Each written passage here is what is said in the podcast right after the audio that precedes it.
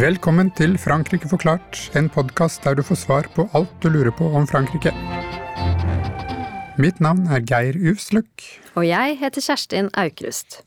I dagens Frankrike forklart skal vi snakke om ståa på den franske venstresiden akkurat nå, bare noen måneder før presidentvalget. Skal vi tro meningsmålingene, er venstresiden milevis unna å komme til andre og avgjørende valgomgang. I snakkende stund kjemper hele sju kandidater om til sammen rundt en fjerdedel av stemmene, og det ser dermed mørkt ut for de som håper å se en fra venstresiden i presidentpalasset de neste fem årene. Hvem er de viktigste, viktigste, kandidatene? Hvorfor er det så vanskelig for dem å enes om ett felles kandidatur? Og finnes det et bitte lite håp for den franske venstresiden tross alt, eller er den rett og slett dømt til å mislykkes? Den som skal hjelpe oss med å svare på disse spørsmålene, er Ingrid Grønli Aam. Velkommen! Takk for det, kjekt å være tilbake her. Ingrid er journalist i Morgenbladet, og hun har tidligere jobbet i Klassekampen. Hun har dekket fransk politikk og samfunnsspørsmål i en årrekke, hun har studert i Frankrike og skrev en master om fransk filosofi ved Universitetet i Bergen. Hun er også forfatter av boka Hjelp, vi er i EU, om den franske venstresida og forholdet til EU, som kom ut i 2018. Og øh, kan du begynne litt sånn generelt, øh, Ingrid, med å presentere den franske venstresiden for lytterne, øh, slik den ser ut i dag? Hva er de viktigste partiene på venstresiden anno 2022? Ja, Vi kan jo ta det litt sånn kronologisk etter betydning. Ehm, da vil jeg begynne med Kommunistpartiet, som var det viktigste partiet på venstresida i etterkrigstida. Har fått æren for å bidra til å bygge opp det sosiale sikkerhetsnettverket i Frankrike. og Sikkerhetsnettet, heter det. Um, og uh, har jo hatt uh, statsråder i regjering helt fram til eh, tidlig 2000-tall. Og har vært viktig, sånn, særlig lokalt, at mange ordførere. Og vært sånn organisatorisk viktig i Frankrike. Men på 70-tallet så mista de veldig mye betydning gradvis over til Sosialistpartiet. Som er på en måte ekvivalenten til Arbeiderpartiet i Norge, bare at de ikke har den samme tilknytning til fagbevegelsen. Eller på en måte den samme æren for å ha bygd opp velferdsstaten i Norge, som vi gjerne tilskriver Arbeiderpartiet. da. Um, og men Sosialistpartiet har, jo, har jo hatt uh, Frankrikes to eneste sosial, uh, presidenter på venstresida. Um, uh, og så har det jo vært også det viktigste de siste tiårene, helt fram til det katastrofale valget i 2017, da de bare fikk 6% oppslutning. Uh, og da ble de jo omtrent erklært døde. Det var nok litt prematurt. De har fortsatt en del folkevalgte og uh, ordførere og en levende partiorganisasjon, men uh, de er definitivt ikke der de en gang var. Og den som da tok over, måtte ja, tok over som ledende parti på den franske venstresida, kan man si. Det er det mer radikale venstrepartiet La France Insoumise, det ukuelige Frankrike, som fikk 19% oppslutning i 2017, da. Og det er en eh, ganske bred bevegelse som nå har ja, De har bare 17 eh, representanter i nasjonalforsamlinga, og de har én ordfører og en eh, viktig presidentkandidat. Og så har du ikke minst eh, De Grønne, som eh, kanskje ble enda viktigere i 2019. Da, da ble de størst på venstresida i europavalget, og de fikk en del viktige byer i kommunevalget og har fått litt sånn medvind, med, med da. Det, det, er altså de viktigste eh, partiene, men det er som nevnt, eh, som nevnt innledningsvis enda flere eh, kandidater. Og dette antallet kandidater på venstresiden det forandrer seg stadig, og flere vil nok eh, mest sannsynlig falle fra innen eh, 4. mars, som er fristen for å levere 500 underskrifter fra, fra folkevalgte, det som på fransk heter parinage.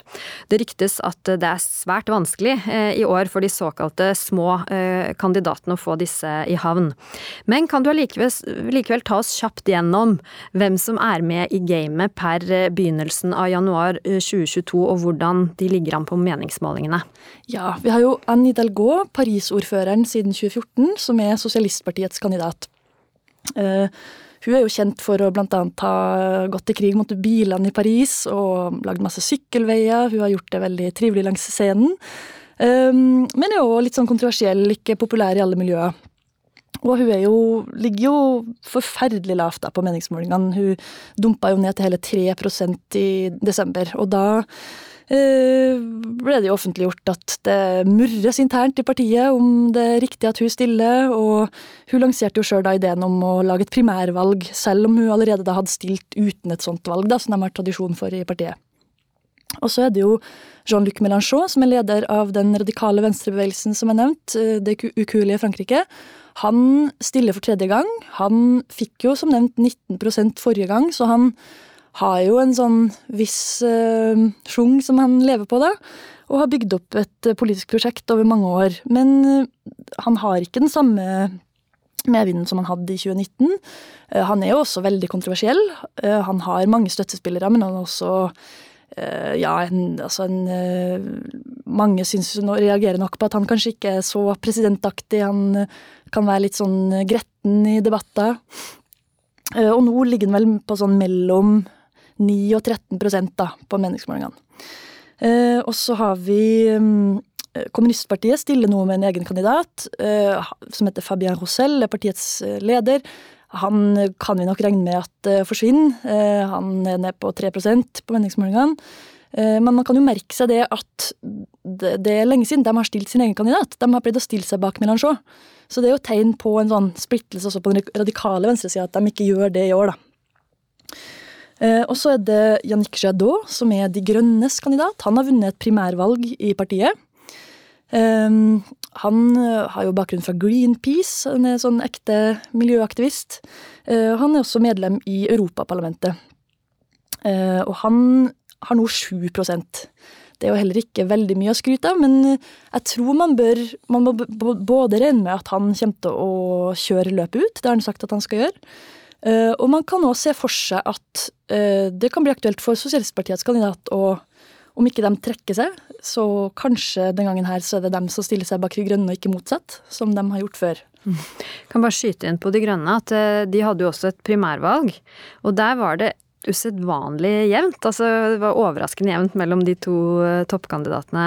Jadot møtte Sandrine Rousseau, uh, en relativt ukjent for mange kvinnelig politiker, som, hvor scoren ble sånn 49-51 i, i Jadots favør, og hun var sånn Økofeminisme var liksom hennes hovedplattform, da. Det, og han må jo nå ta henne inn som sin fremste rådgiver for at de som støttet henne skal få litt å si i hans valgkamp. Og det er interessant å se liksom hvordan de radikale kreftene også internt hos De grønne har gjort seg gjeldende. Mm. Men du var i gang med å ramse opp eh, kandidatene. Ja, kan også nevne om Jadot at uh, jeg har sett at kildene nær Macron ser han som den største trusselen på venstresida, faktisk. Det er interessant. Han er jo en mer sånn sentrum-venstre-type. Sånn, og pluss at klima også har vært en sak Macron tross alt har ønska å markere seg litt på. Så det kan man merke seg. Uh, og så er det i tillegg Arnaud Montebourg, som er han kan minne litt om Mélenchon på noen måter, i det at de begge er utbrytere fra Sosialistpartiet. Montebourg eh, var jo um, næringsminister før Macron i Holland sin regjering, eh, men trakk seg fra regjeringa fordi han, eh, han ligger nok mer til venstre i partiet, eller lå mer til venstre i det partiet, og var kritisk. Han er for øvrig også Han driver med honningproduksjon og er advokat, og er veldig sånn opptatt av næringspolitikk, da. Så han er litt sånn her ja, uh, nasjonalisering og industri. Det er liksom hans viktigste saker, da. Men jeg tror vi kan regne med at uh, han heller nok ikke løpet ut. Han er vel på ja, 1 vann på siste meningsmåling. Mm.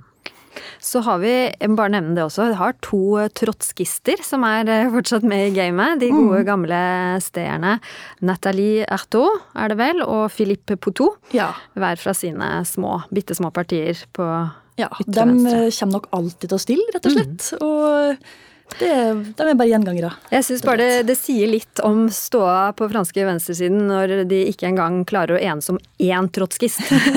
jeg syns liksom det er ganske ja, talende i seg selv. Ja, de, de, kommer nok alltid til å stille, men uh, de, de, blir nok ikke presidenter med det første. Uh, og, og det er, så, så, det er altså ganske mange kokker på venstresiden. Uh, og Det har det jo vært en stund. Eh, da du var gjest i denne podkasten høsten 2020, så snakket vi om at den franske venstresiden over lengre tid har vært preget av indre konflikter, eh, og splittelser og store egoer. Og på høyresiden så har de nå klart å enes om én kandidat, Valérie Pécresse, som da vant nominasjonsvalget.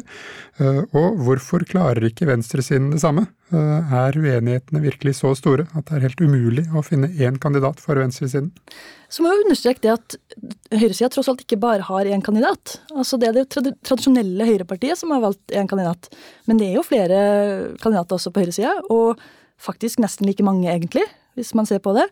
Eh, og flere viktige kandidater i år, i og med at Semor nå har kommet til og plutselig får masse stor oppslutning. da. Um, og jeg mener jo at jeg, det, altså Fransk media er veldig opptatt av det spørsmålet du stiller.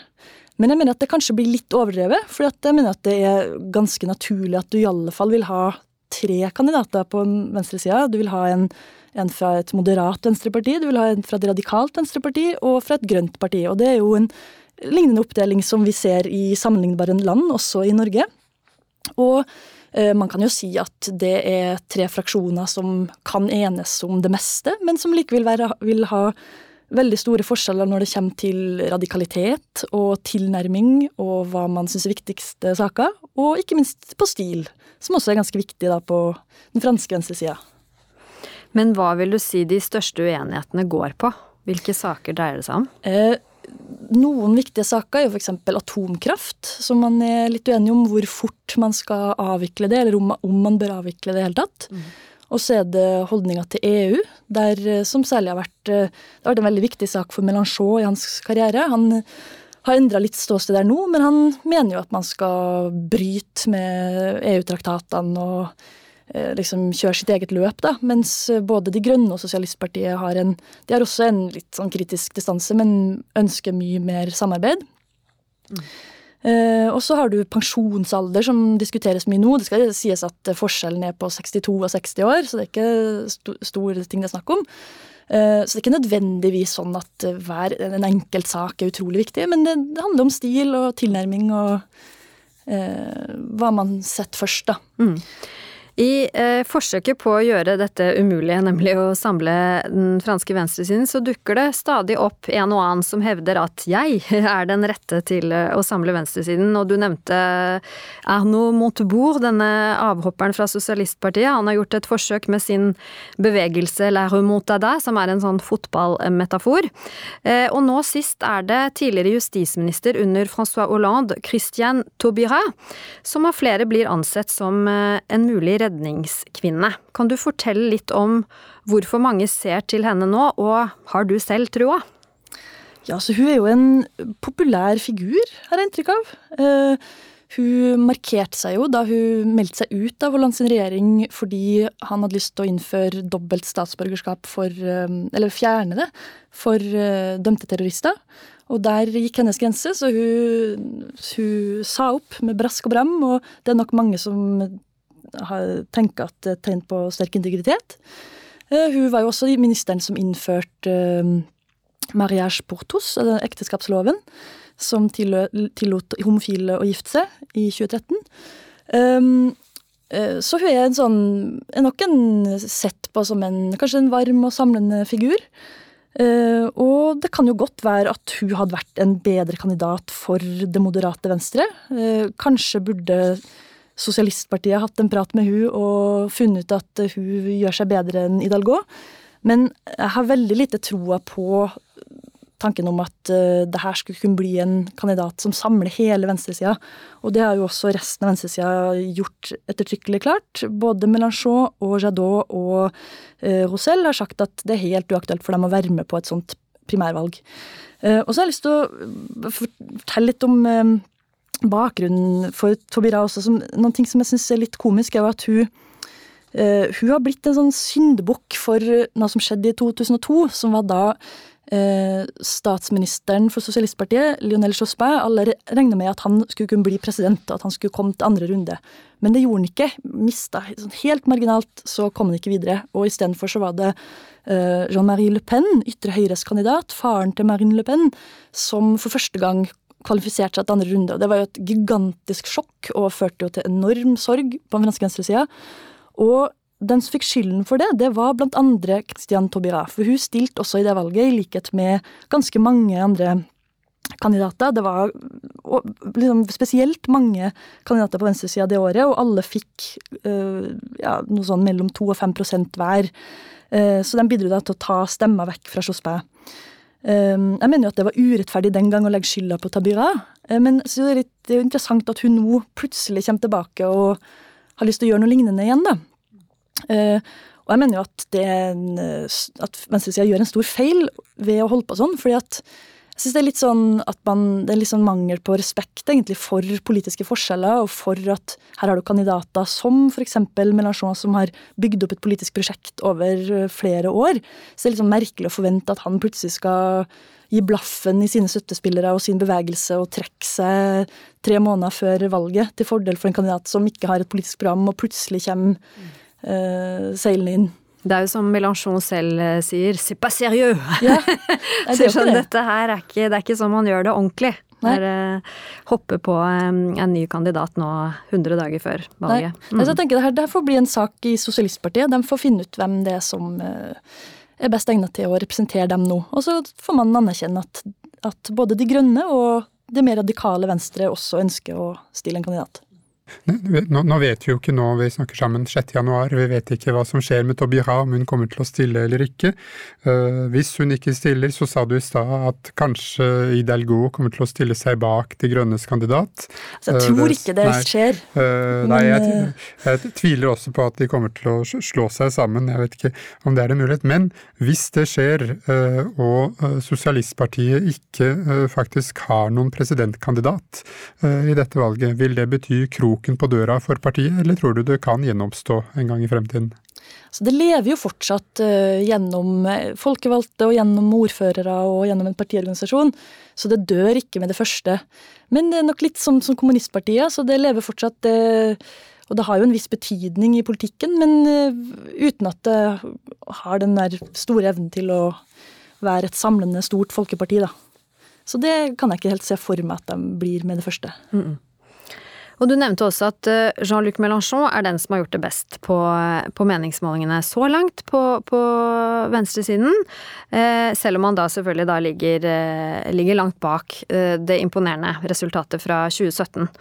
Han er jo også den eh, foreløpig eneste presidentkandidaten som har møtt eh, en annen, litt kontroversiell presidentkandidat til debatt, nemlig den mye omtalte Erik Zimour, som var, har vært eh, høstens overraskelse, kan man vel si, eh, presidentkandidat på, på ytre høyre. Hvorfor tror du at Mélenchon, i motsetning til da de fleste andre av hans kollegaer, takket ja til å møte Zemmour, og ser du noen likheter mellom, mellom disse to? Det var jo en kjempeinteressant debatt mellom de to, som varte i over to timer. Og da sa jo Melanchon litt sjøl hvorfor han hadde valgt å stille, og det var at han mente at uh, det var feil å bare ignorere Semor. Uh, det burde ikke bare bli redusert til et slags sånn mediespill. Han ville ta ideene på alvor og møte dem skikkelig, og utfordre dem. Uh, og det gjorde han jo absolutt. Um, og man så jo litt i det var jo en ganske sånn interessant match kan man si, mellom de to. da, fordi du ser jo at de begge er veldig sterke retorikere. De er veldig opptatt av historie, begge to, av republikanske idealer. Men de har jo helt forskjellig tolkning av de her idealene. Og det er jo også mm, interessant å høre hvor viktig det her fortsatt er da, i fransk politikk. Uh, og, men, men Semor er veldig opptatt av fransk identitet og religion. Han mener at det franske egentlig er den katolske arven, og at innvandrere egentlig ikke kan inkluderes i det som er ekte fransk. Så mener jo Mélenchon tvert imot at religion bør få mye mindre plass, og at eh, det er altfor mye snakk om identitet. Han har et mye mer inkluderende eh, nasjonsbegrep. Han snakker annet veldig ofte om begrepet kreolisering, kreolisation, Eh, som han betegner som en eh, sammenblanding av kulturer der det oppstår noe nytt. Da. Og det er sånn han ser på det franske samfunnet. Mm, som er eh, et begrep hentet fra en forfatter som heter Edouard Glissant. Mm, det er veldig, veldig, interessant å se den motsetningen mellom, mellom Zemmour og Mélenchon på det, på det punktet. Enig. Ja, og, og, vi har jo som, som, nevnt veldig mange kandidater på venstresiden, men venstresiden er ikke særlig sterk i Frankrike for tiden. Og det er mange kommentatorer som har sagt at Frankrike heller mot høyre, og at venstresiden aldri har vært svakere. Hva tror du det skyldes?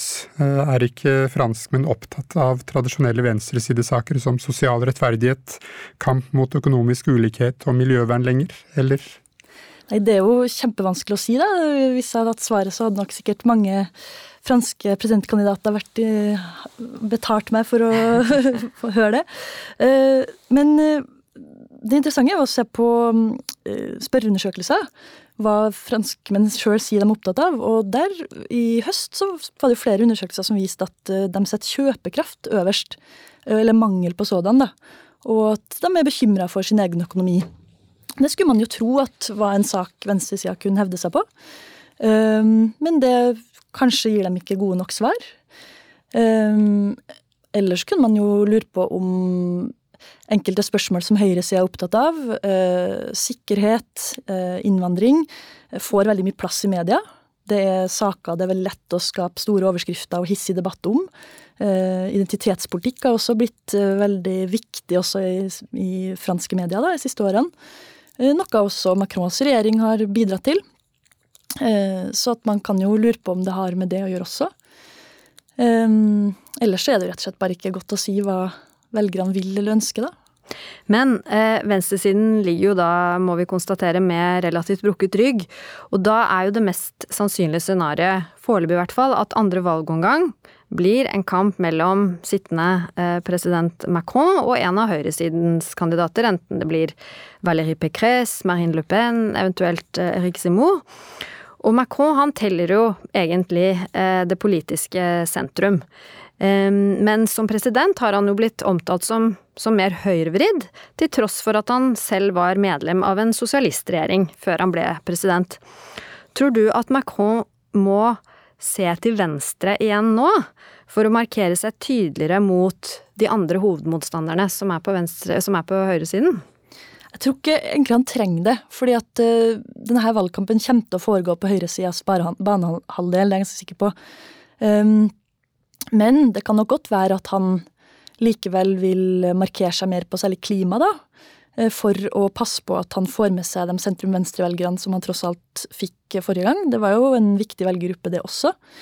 Um, man kan jo også for øvrig legge, legge, til at Macron også gjør det vanskeligere både for venstre- og høyresida, fordi han nettopp eh, spiser fra begge kanter.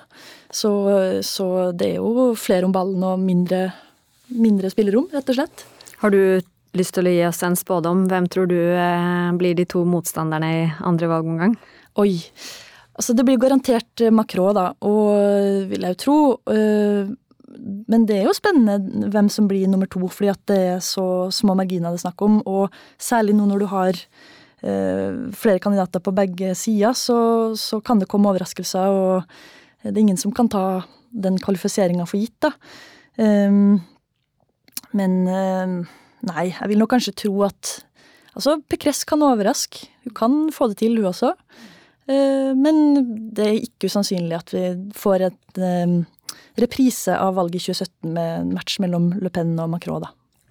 På slutten av hver episode så ber vi gjesten vår om å komme med en fransk anbefaling. Hva er din anbefaling til lytterne våre, Ingrid? Jeg har lyst til å anbefale franske forfatteren og journalisten Florence Aubnat, eh, som har skrevet flere bøker og reportasjer for avisa Le Monde. Og hun er en sånn type som eh, alltid drar ut og lever sammen med dem hun skriver om. Hun har eh, oppholdt seg i rundkjøringer sammen med Gule vester, og hun har eh, under pandemien har hun bodd elleve dager på et sykehjem og skildra hvordan nedstenginga var for de eldre der. Ehm, og nå kommer det jo en film på franske kinoer som heter Wistram, som er basert på en av hennes bøker om da hun meldte seg det lokale, på det lokale Nav-kontoret i Nord-Frankrike og tok seg jobber. Eh, og skildra livet i arbeiderklassen der. Det er en film som er regissert av Emmanuel Carré, også en veldig god forfatter, med Juliette Binoche i hovedrollen. Um, men jeg kan jo anbefaler også hennes siste bok, som er, heter L'Inconnu de la Poste, som er en sånn uh, utrolig spennende true crime, men som også viser hennes helt unike evne til å skildre det franske samfunnet. En virkelig gravende journalist der. Mm. Uh, Kjerstin, har du også en anbefaling? Ja, den er av en litt annen sjanger og ganske enkel. Det er kjøp et gavekort på en fransk restaurant.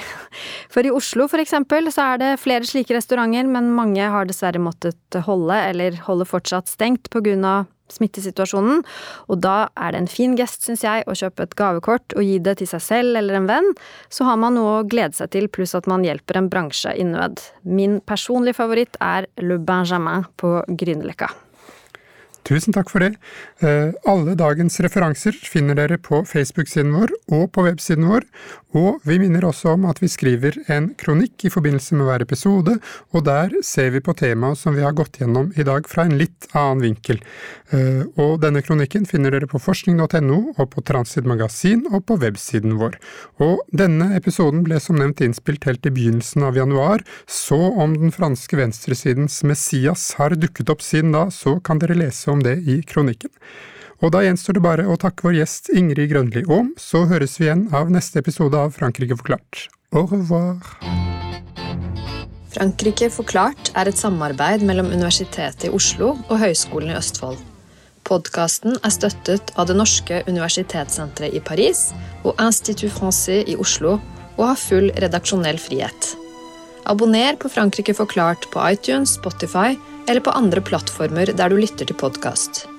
Har du kommentarer til oss eller forslag til temaer vi bør ta opp, kan du sende inn det via vår Facebook-side Frankrike forklart. Her vil du også finne referansene som nevnes i dagens episode.